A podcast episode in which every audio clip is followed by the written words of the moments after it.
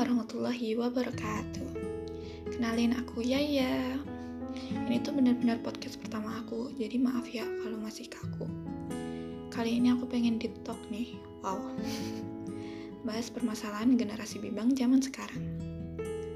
Sadar kan, pas lagi ada masalah berat Pasti kamu ngerasa gak karuan banget. Iya kan? Sama, aku juga gitu.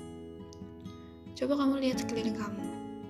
Jalanan masih tetap ramai, Matahari tetap terbit dari timur dan tenggelam jam 6 sore. Dunia tetap berjalan kayak biasa. Gak peduli harimu seberat apa, gak peduli siapa yang datang dan pergi, hidup akan tetap berlanjut.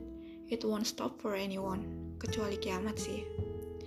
Dan di situ pun kamu sadar, setelah semuanya, gak peduli sebesar apa masalahnya, all you have is just you and Allah. Makanya please jangan nyerah. Karena kalau kamu nyerah, Bahkan kata-kata ini pun gak bisa bantu kamu buat bertahan. Selain dia, diri kamu sendiri. Ingat selalu firman Allah dalam Quran Surat Al-Baqarah ayat 286. La yukallifullahu nafsan illa wus'aha. Yang artinya, Allah tidak membebani seseorang melainkan sesuai dengan kesanggupannya. Jadi hal yang perlu kamu lakuin sekarang adalah ambil wudhu, sholat, curhat sama Allah. Sedih aja, nangis aja, hancur aja nggak apa-apa. Ceritain semuanya. Rasain, resapin, nikmatin. Tapi habis itu, ingat buat bangkit lagi dan lanjutin apa yang masih ada. Kamu masih punya keluarga yang harus dibanggakan. Kamu juga masih punya tanggung jawab sebagai hamba Allah. Kamu harus tetap hidup walaupun hari-harimu terasa buruk. Bertahanlah, sampai pada akhirnya Allah manggil kamu buat ngerasain kebahagiaan janahnya. Amin Allahumma amin. Ada satu kalimat yang ngena banget di aku. Sampai-sampai aku selalu inget bunyinya gini.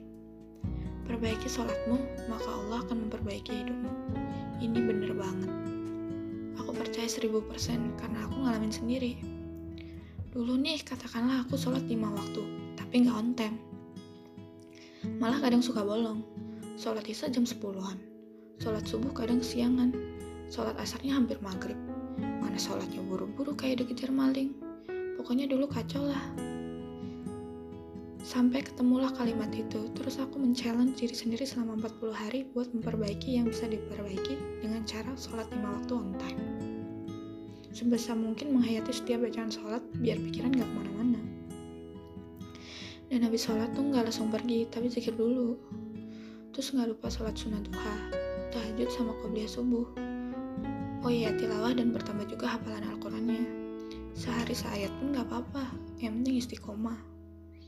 Perbanyak sedekah juga, and last but not least, selalu sempetin buat dengerin kajian atau morotal walaupun lagi sibuk.